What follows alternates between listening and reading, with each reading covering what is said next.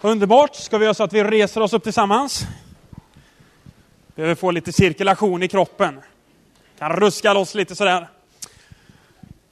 Så gör vi så att vi ber innan vi startar igång här. Himmelske Fader, vi tackar dig för ännu en söndag, Herre, när vi får komma till församlingen, Herre, för att fira gudstjänst, Herre. Jesus, vi tackar dig för förmånen att få läsa ditt ord, Herre. Vi tackar dig för förmånen att få samlas här och upphöja dig, Herre, och lyssna till dig och ära dig för att du är den du är, Herre. Den här söndagen så ber vi helige Ande att du skulle tala till oss. Vi ber Herre att genom ditt ord Herre så skulle du låta det få bli levande eh, och få bli ett budskap Herre som tränger in i våra hjärtan Herre. Jag ber att du skulle skapa tro i våra hjärtan idag Herre. Eh, och jag ber himmelske Fader att du skulle röra vid människor. Jag ber att du skulle komma och möta behov Herre. Och låt oss gå härifrån Herre, eh, förvandlade Herre. Att när vi går ut från den här gudstjänsten Herre så är vi inte de samma som vi var när vi kom in här utan vi har fått ett möte tillsammans med dig Herre. Vi ber om det i Jesu namn. Och till det så svarar allt folket. Amen. Varsågoda och sitt ner.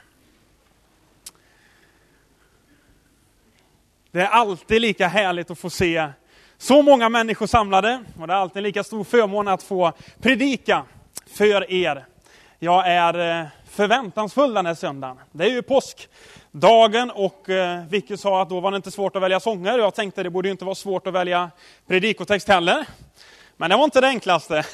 Jag har gått och vänt och vritt på det här många gånger och eh, igår så gick jag ut och gick och så var det sådär påskafton. Solen sken och det gnistrade i snön. Och jag tänkte, vad är det som har hänt? Eh, men det gjorde det. Eh, och jag var ute och gick och då kände jag faktiskt hur den heliga ande sa till mig eh, att jag skulle predika om enkelheten i evangeliet. Eh, och det är ju fantastiskt. Och du vet, jag tänkte, så precis som Sven sa innan, Jesus han har varit uppstånden i, i, flera tusen år. Så att det är ju inte just idag bara som han är uppstånden, va? utan det är ju någonting som, som har hänt för länge sedan. Va? Sen kommer vi att poängtera det här ändå. Eh, och det är så fascinerande på ett sätt att, att Jesus, han, han är ju ingen religiös eh, liten figur bara.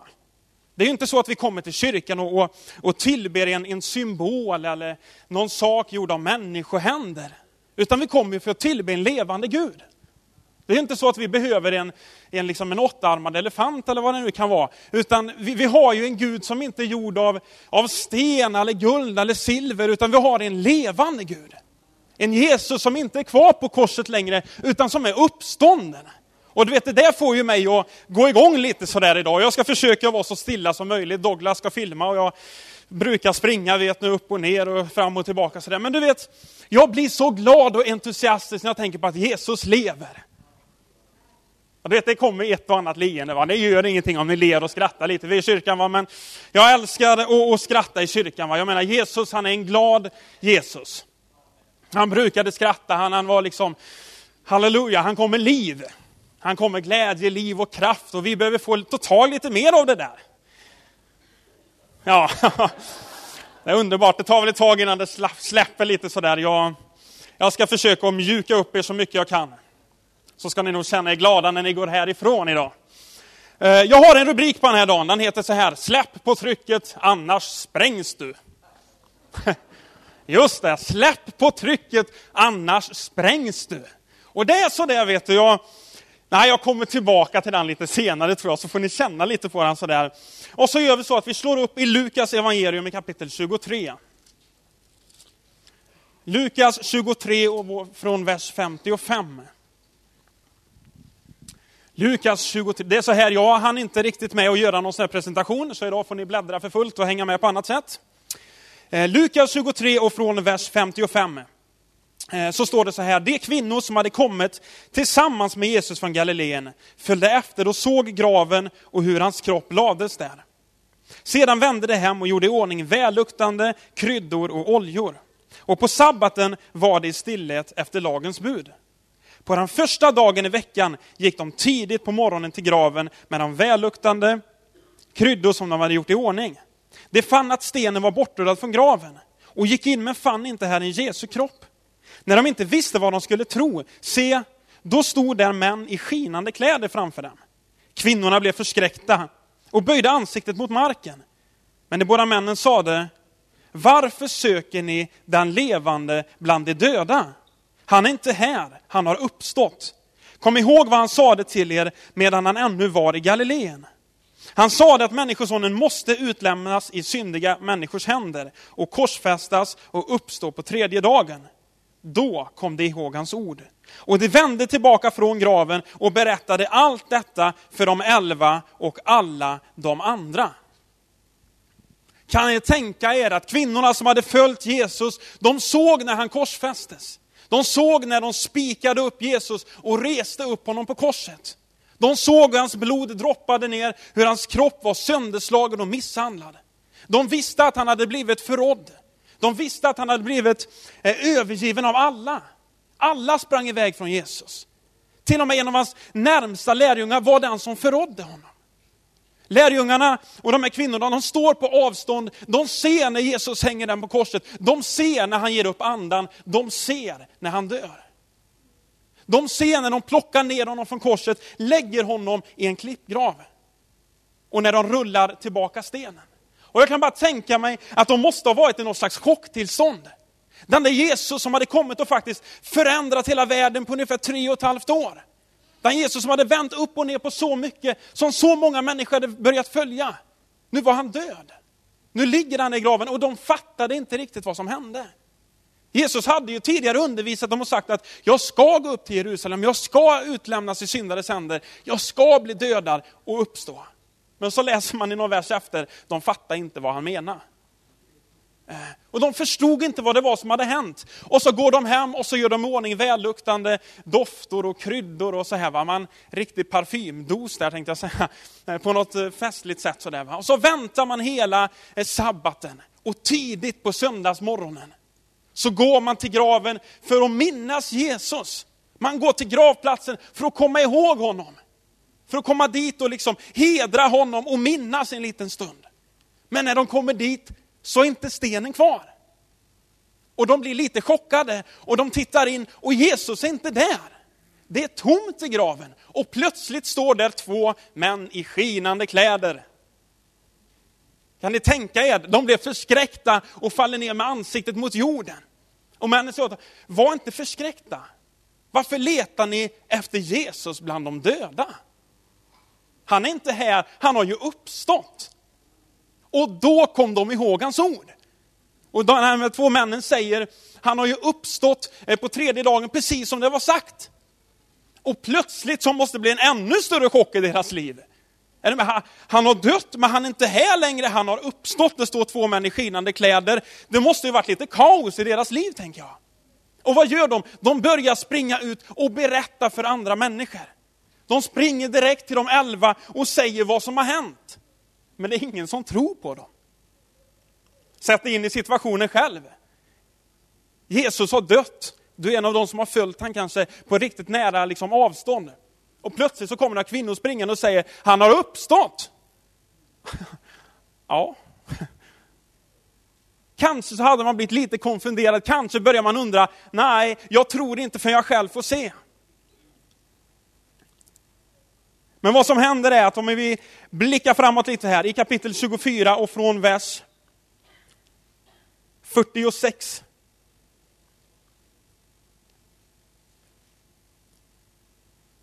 redan från vers 30 sägs, det här är ett väldigt roligt sammanhang bara, så är lärjungarna samlade och så står det så här, medan de talade om detta så stod Jesus själv mitt ibland dem och sade, frid vare med er. Kan ni tänka er det här? Det kanske har samlats alla människor och de undrar, vissa säger att han har uppstått, vissa har mött honom och alla är konfunderade. Plötsligt står Jesus där. Frid var det med er. Vilken känsla liksom.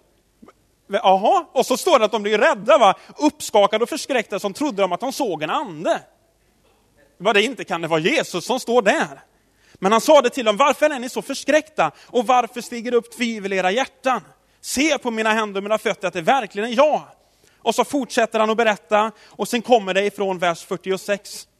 Då säger han så här, det står skrivet, att Messias ska lida och på tredje dagen uppstå från de döda och att omvändelse och syndernas förlåtelse skall predikas i hans namn för alla folk med början i Jerusalem.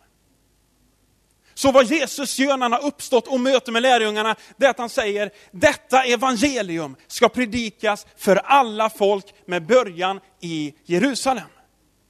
Han ger dem ett uppdrag som vi känner igen i Matteus 28, vers 18-20, när Jesus säger, jag har fått all makt i himlen och på jorden. Gå därför ut och gör alla folk till lärjungar.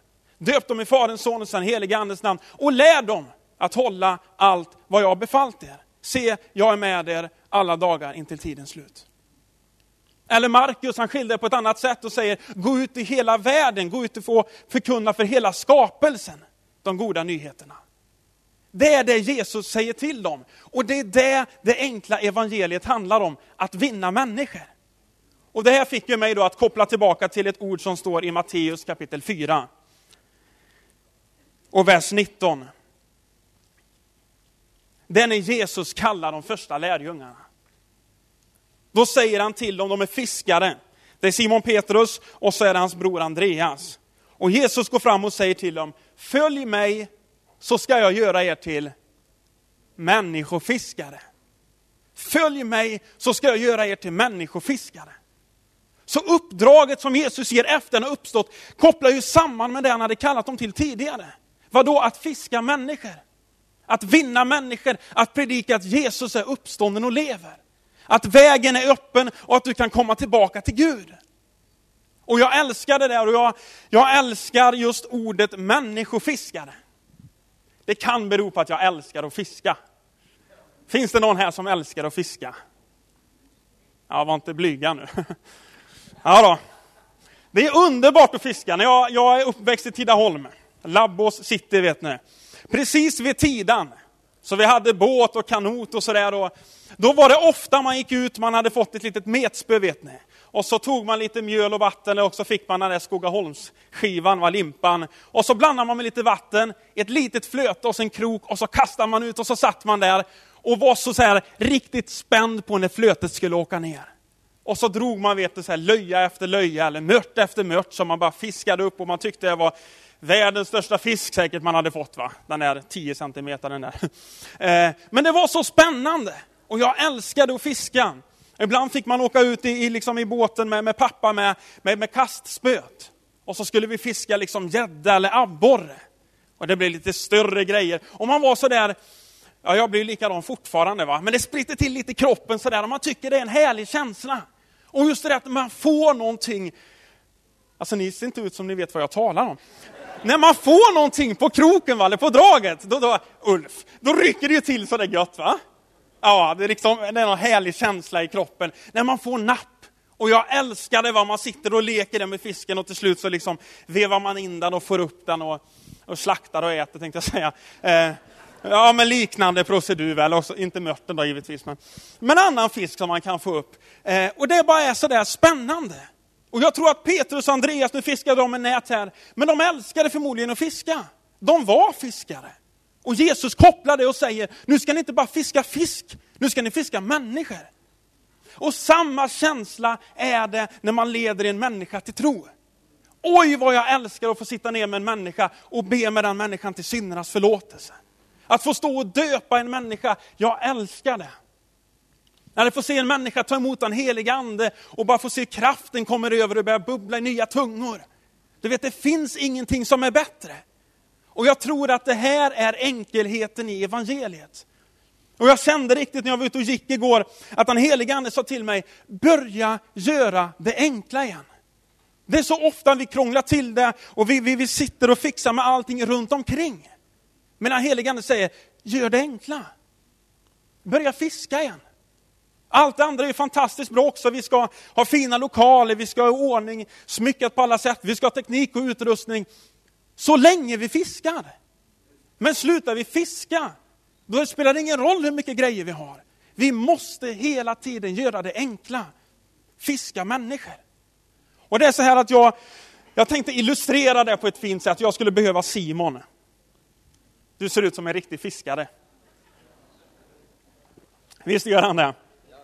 En sån där serie, ah, nej förresten, så tecknad figur tänkte jag säga. Nej men lång, lång och fin och, eh, ty, ja men fiskare. Skulle inte du kunna, jag har ett spö där ute, kanske du kan bara hämta det.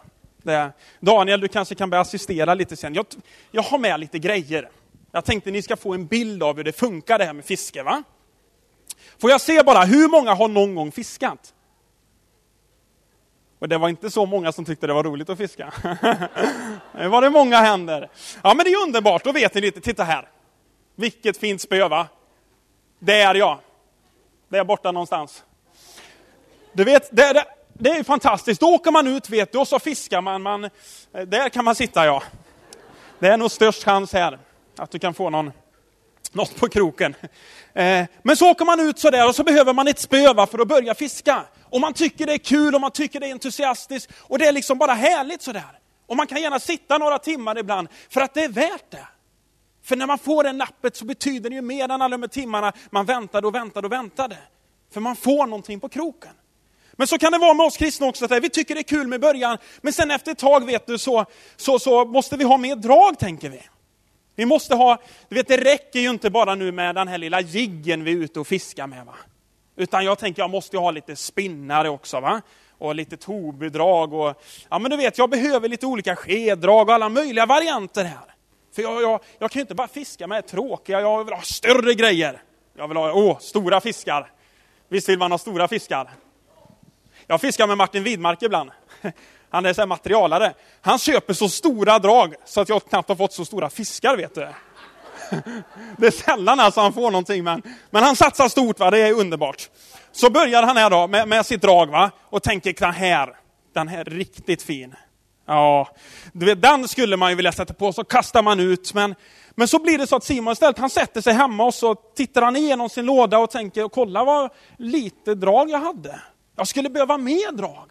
Och så börjar han istället för att fiska, så börjar han spendera mer tid på att leta efter olika drag. Han, med, han åker till affären och så tittar han, jag måste ha den där gröna spinnaren för regnbågen, och jag vill ha den här, du vet, Hilo, den där vitröda wobblen för min gädda. Och så, och så börjar man bli fokuserad på fel saker. Och så frågar sig, men fiskar du inte då? Nej, men du vet, jag måste ha fler drag. Jag måste ha mer drag, det är ju nästan tomt i väskan. Ja, men så, du har ju drag, ska du inte fiska? Nej, du vet, jag, jag kan inte fiska utan hov, säger han. Jag måste ju en hov för att kunna få upp fisken mot en hov. Men så, du har ju alltid fått upp fisken innan utan hov. Nej, vet, jag måste ha en hov, det har jag läst om. Det står här. Han ska ha en hov när jag fiskar. Så, så han, han åker och hämtar en hov. Och tänker så här, ja men det, det, du vet, det ska jag ha. Och så frågar man Simon, fiskar du någonting då? Så här, Nej, jag har inte tid vet du, jag håller på att sitta hemma och polera dragen och nu har jag fått en hov som jag sitter och tittar på. Så här. Men du har ju missat hela poängen, fiskar du inte längre? Ja, men jo, oh, alltså jag vill ju det, men det är så mycket grejer här, du vet, och jag, jag känner att solen skiner så jag måste ha den här fiskekepsen också. Har jag inte den, då kan jag inte fiska, då ser jag ingenting när jag står där ute. Och du vet, så här kan det vara med våra kristna liv ibland. Att vi har börjat att berätta för våra arbetskamrater med Jesus, men sen så, ah, jag måste nog läsa lite mer i Bibeln. Jag vet inte tillräckligt. Jag, nej, jag är inte tillräckligt bra för att vittna, eller jag, jag kan inte göra det här och det här. Och så sitter vi och håller på med massa annat än att vi fiskar. Och jag menar, det är ju inte fel med utrustningen, det är ju fantastiskt, det kommer ju gå ännu bättre nu. Om du fiskar va? Men nu sitter han där och, och han håller på med sin låda och hoven och, eh, och det vet, istället för, för att börja fiska så börjar han läsa tidningar om fisk. Är ni med? Han har en hel ryggsäck med tidningar. Och han sitter där vet du, och så gäddan ska man ta på det sättet, du vet han är lite lågvatten där vid, vid vassen, där trivs han riktigt bra sådär va. Och så sitter han och studerar de olika fiskarna. Och han vet precis vilket drag som är det bästa draget för vilken fisk. Och så frågar man Simon, fiskar du någonting? Nej, nej det hinner jag inte riktigt med, jag måste läsa om fiskarna vet du.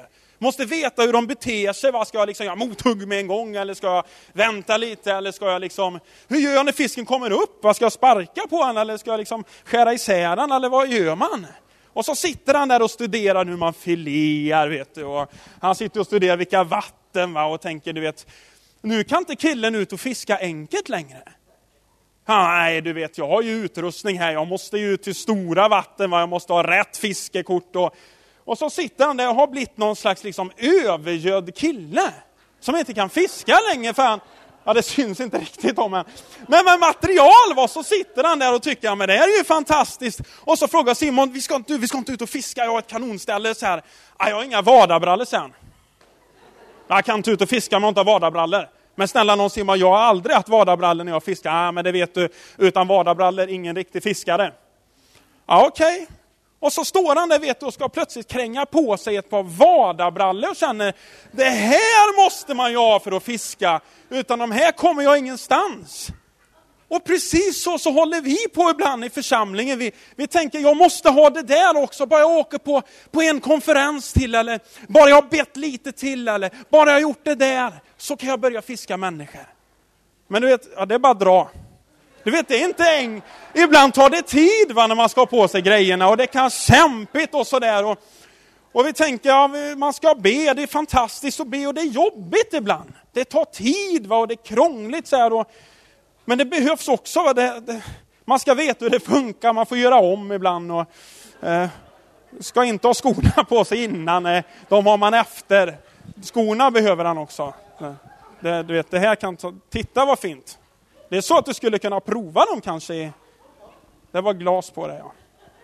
ja. Och så håller han på så här vet du och, och jag tänker nu Simon, jag är ledig på lördag, ska vi ut och fiska? Nej, sen. Inte, jag har inte ens fått på mig vadarbyxorna än sen.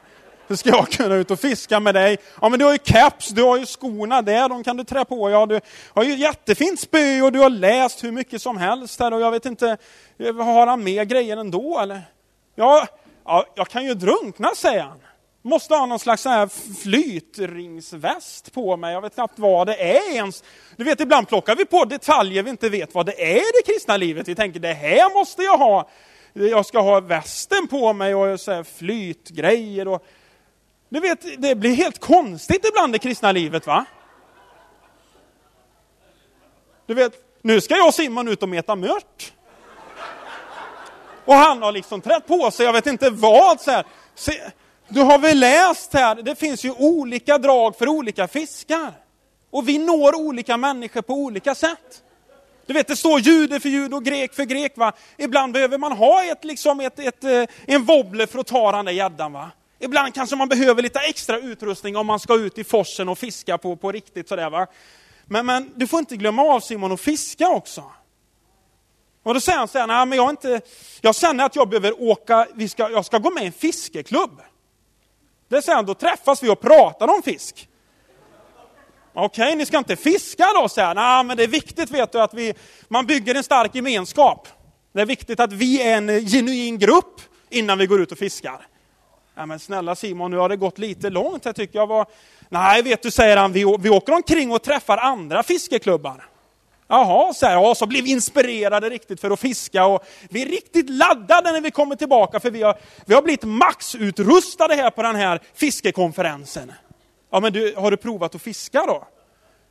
Nej, det var länge sedan jag fiskade. Och så där är det ofta.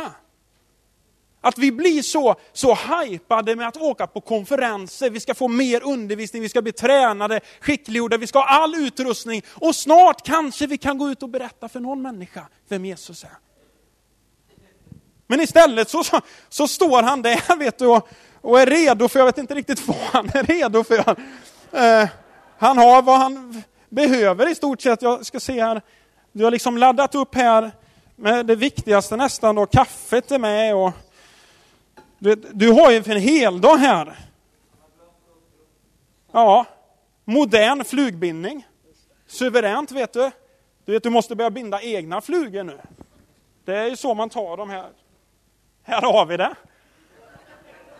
Du vet, när man åkte ut tidigt på morgonen så måste man ju sitta där och ta sin lilla kexchoklad och kaffet. Va? Det hör ju ändå till fisket. Sådär. Och efter mycket om och men så så kanske det är så att vi kan ut och fiska snart. Ah, jag har ingen båt, säger han då.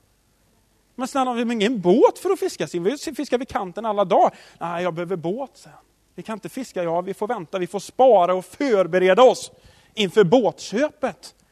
Och när vi väl har köpt båten ska vi ut och fiska nu, Simon. Nej, jag tror vi ska dra på en sån här trål i bak. Jag vill ha mer fisk, vet du. Ta de riktigt stora. Vi kan inte åka in i Tidan, Simon, med din båt och trål. Jo, så jag ska, jag ska tömma allt. Är ni med? Men ska du inte fiska en och en istället? Nej, jag satsar på massorna, säger han. Jag ska ha, jag ska ha hela tiden på en gång.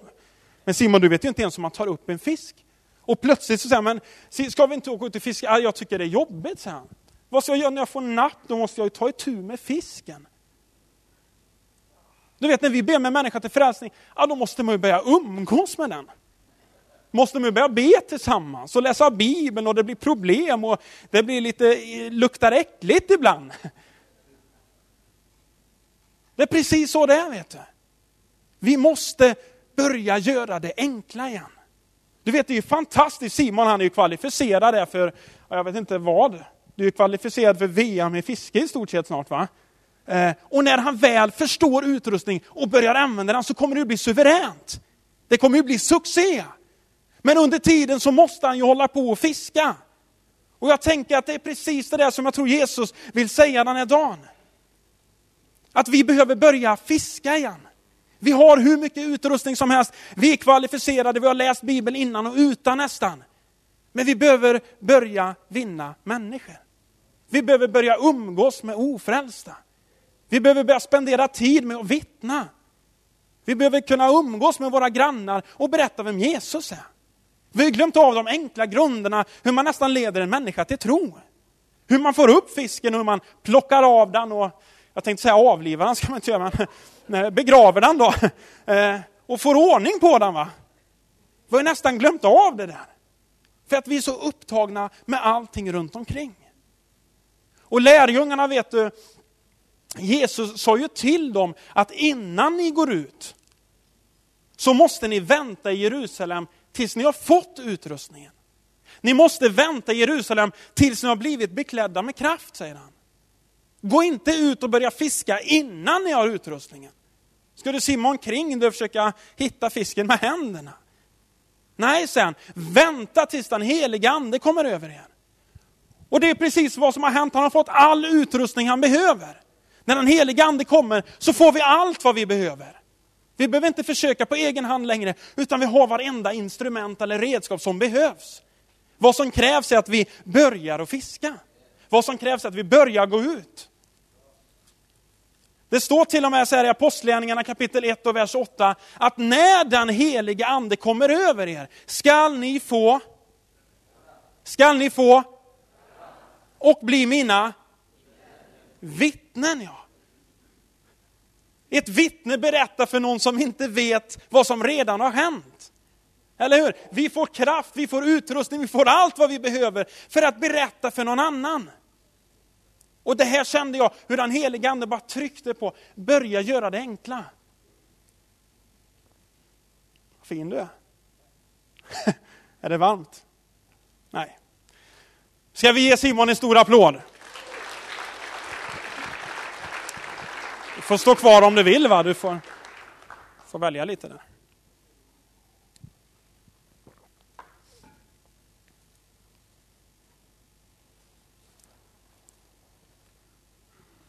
Och då tänkte jag på, och du undrar säkert, ja, men Martin hur får du in det här i din, i din rubrik och din predikan idag? Ja, det kan många undra här.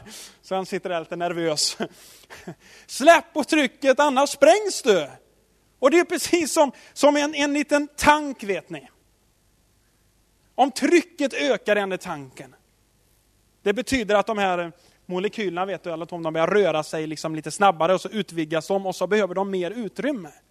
Om man inte släpper på trycket så kommer den här tanken att explodera till slut. Därför att det blir för högt tryck. De utvidgar sig så starkt att tanken inte klarar av att hålla kvar dem.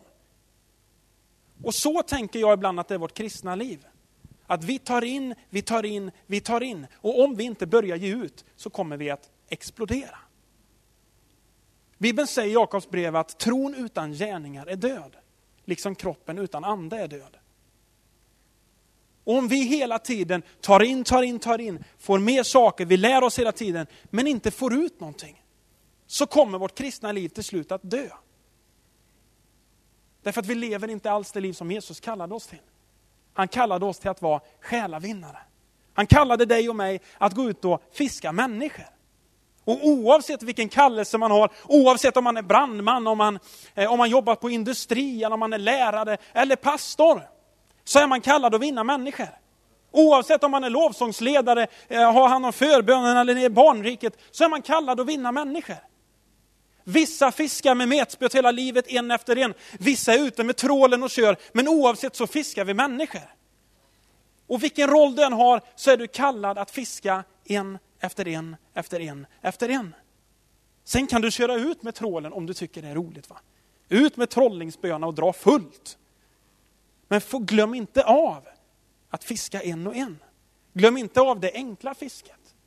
Glöm inte av att gå ut och vinna människor. Och jag kände, du vet, ibland, ibland håller man på med så mycket grejer. Ibland springer man hit och man gör det där och man bygger det där och man, man utvecklar det området. Och så bara en helig ande sa till mig, men vinn människor. Mitt i allt det där är så lätt ibland. Att vi blir så upptagna av vilken färg det ska vara liksom på mattan här eller vilken, vilken liksom, hur det ska se ut i kyrksalen eller eh, massa olika grejer. Att vi glömmer av det viktigaste. Allt det andra är viktigt och jag älskar det. Mer utrustning åt folket. Så länge vi fiskar. Så länge vi använder det på rätt sätt. Du vet när jag bytte spö till det fiskespöet jag har idag, du vet det var ju rena drömmen va. Det gamla lite styvt, så när, när ni, ni får gilla det här nu. Det gamla var lite styvt, så nu har jag ett som är riktigt, du vet det följer med, man känner varenda lite rick sådär i fisken. Och det var ju en fröjd att få den nya utrustningen. Så länge jag använder den. Och ibland så byter vi lina innan vi ens har börjat använda linan. Va? Ah, den är nog gammal, du vet. Måste ha ny lina nu. Nej, du har precis allt du behöver. Har inte varit kristen tillräckligt länge, så här, har du blivit kristen så har du varit kristen tillräckligt länge. För att vinna en annan människa. Så fort du har tagit emot Jesus så har du någonting du kan ge vidare till någon annan. Eh, och vi måste börja fiska. Jag älskar och längtar efter att vi än mer skulle få bli en själavinnande församling. Vecka ut och vecka in så skulle vi höra, inte bara på gudstjänster, utan i vardagen hur man ber med det frälste med sina grannar, arbetskamrater, klasskompisar. Hur vi bara får höra hur det händer grejer. Varför då? Därför att det är det viktigaste i våra liv. Och när man läser om Petrus, Petrus mannen vet du som, som innan, innan Jesus dog så, så förnekade han honom. Han, han lämnade Jesus och, och gick sin egen väg. Han hade följt Jesus under tre år drygt dag och natt. Och så lämnar Jesus. Och sen läser man om Petrus, vad som hände på pingstdagen. När han fick ta emot utrustningen. När han blev beklädd med kraft. Så fanns det ingenting som kunde stoppa honom. De tog honom till fånga, de misshandlade honom. Men han sa, jag kan inte vara tyst. Men vad jag har sett jag gör, jag måste fortsätta. De förbjöd dem att fortsätta förkunna evangeliet om Jesus. Han sa, det går inte. Jag måste fortsätta vinna människor. Det var så angeläget på deras hjärtan. Det var som om en eld brann på insidan. Vi måste fortsätta. Vi måste fortsätta springa vidare. Vi måste nå fler. Det verkar som att det ständigt brann på deras hjärtan. Det var ingenting som kunde få dem tillbaka. Vi läser i tillfälle efter tillfälle hur de hamnar i fängelse, hur de hamnar i trubbel, hur de blir förföljda. Men ändå säger de, vi kan inte ge upp. Fler människor måste få höra. Och jag tror att den elden från den helige Ande behöver komma över oss på nytt. Jag tror att den passionen för de förlorade måste komma över oss på nytt. Den elden av att få se människor förvandlade. Av att få se en människa få ge sitt liv till Jesus. Få se vad som händer i ögonen när ångesten försvinner. Få se vad som händer när en människas liv blir fullständigt förvandlad. Självmordstankarna är inte kvar längre. Är ni med? Eller få se en sjuk människa bli frisk. Vi måste tillbaka till det enkla evangeliet. Släpp på trycket, annars kommer du att sprängas. När jag läser apostlagärningarna om våra förebilder, så satt våra förebilder ganska ofta fängslade. Våra förebilder var inte alltid så populära.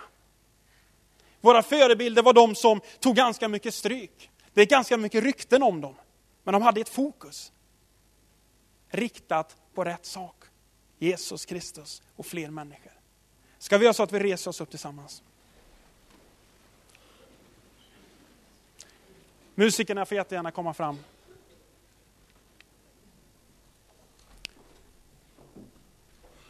Det finns ett bibelord som jag ofta, ofta, ofta citerar. Det står i Hebreerbrevet kapitel 13 och vers 8. Att Jesus Kristus, han är densamme. Igår, idag och i all evighet. Han har inte förändrats, han kommer aldrig att förändras. Det är samma kärlek, det är samma kraft, det är samma liv idag som det var när han vandrade här på jorden. Och när jag gick igår, vet du, vi har ju en levande Gud som talar. Vi har en levande Gud som är uppstånden. Vi har inte bara någon religiös samling. Utan vi tror att Jesus är här idag. Vi tror att Jesus vill röra vid människors liv den här söndagen. Och jag är övertygad om att den helige Ande sa till mig att det finns så många människor som den här söndagen behöver göra en ny överlåtelse till att bli människofiskare. Som på nytt behöver bara ta ett ställningstagande och säga, jag har glömt det enkla, jag har hållit på med så mycket annat. På nytt vill jag överlåta mig. På nytt vill jag börja fiska människor. På nytt vill jag bli en av dem som gör det enkla evangeliet. Som inte krånglar till det så mycket. Och jag tror vi ska göra så att när, om förebedjarna kan komma fram med mig en gång, så, så tror jag att vi ska göra eh, hela, eh, framför första bänken, hela platsen här till en, till en helig plats. Där människor får ta beslut idag och du kan komma fram och bara göra ett ställningstagande. Det behöver inte vara så att man behöver be för, för alla, utan du kanske bara behöver komma fram och sätta ner foten och säga, jag vill tillbaka till det enkla evangeliet. Jag vill bli en människofiskare. Jag vill vara en av dem som sätter mitt fokus till att nå nya människor. Jag tror det finns många här inne, jag tror ständigt vi behöver göra denna överlåtelsen. Och jag tror att vi kan göra så med en gång, att om du känner, ja men detta, det bara bränner till i mitt hjärta, jag vill göra det, jag vill stå inför Gud en stund och bara ta det beslutet, kan du lämna din plats och så komma fram hit.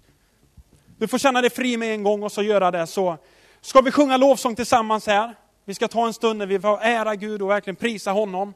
Eh, och så låter vi det vara en plats här framme där du bara får överlåta dig. Och var frimodiga nu, vänta inte på alla andra eller på att någon annan ska göra någonting. Utan var frimodig och ta ett beslut mellan dig och Gud.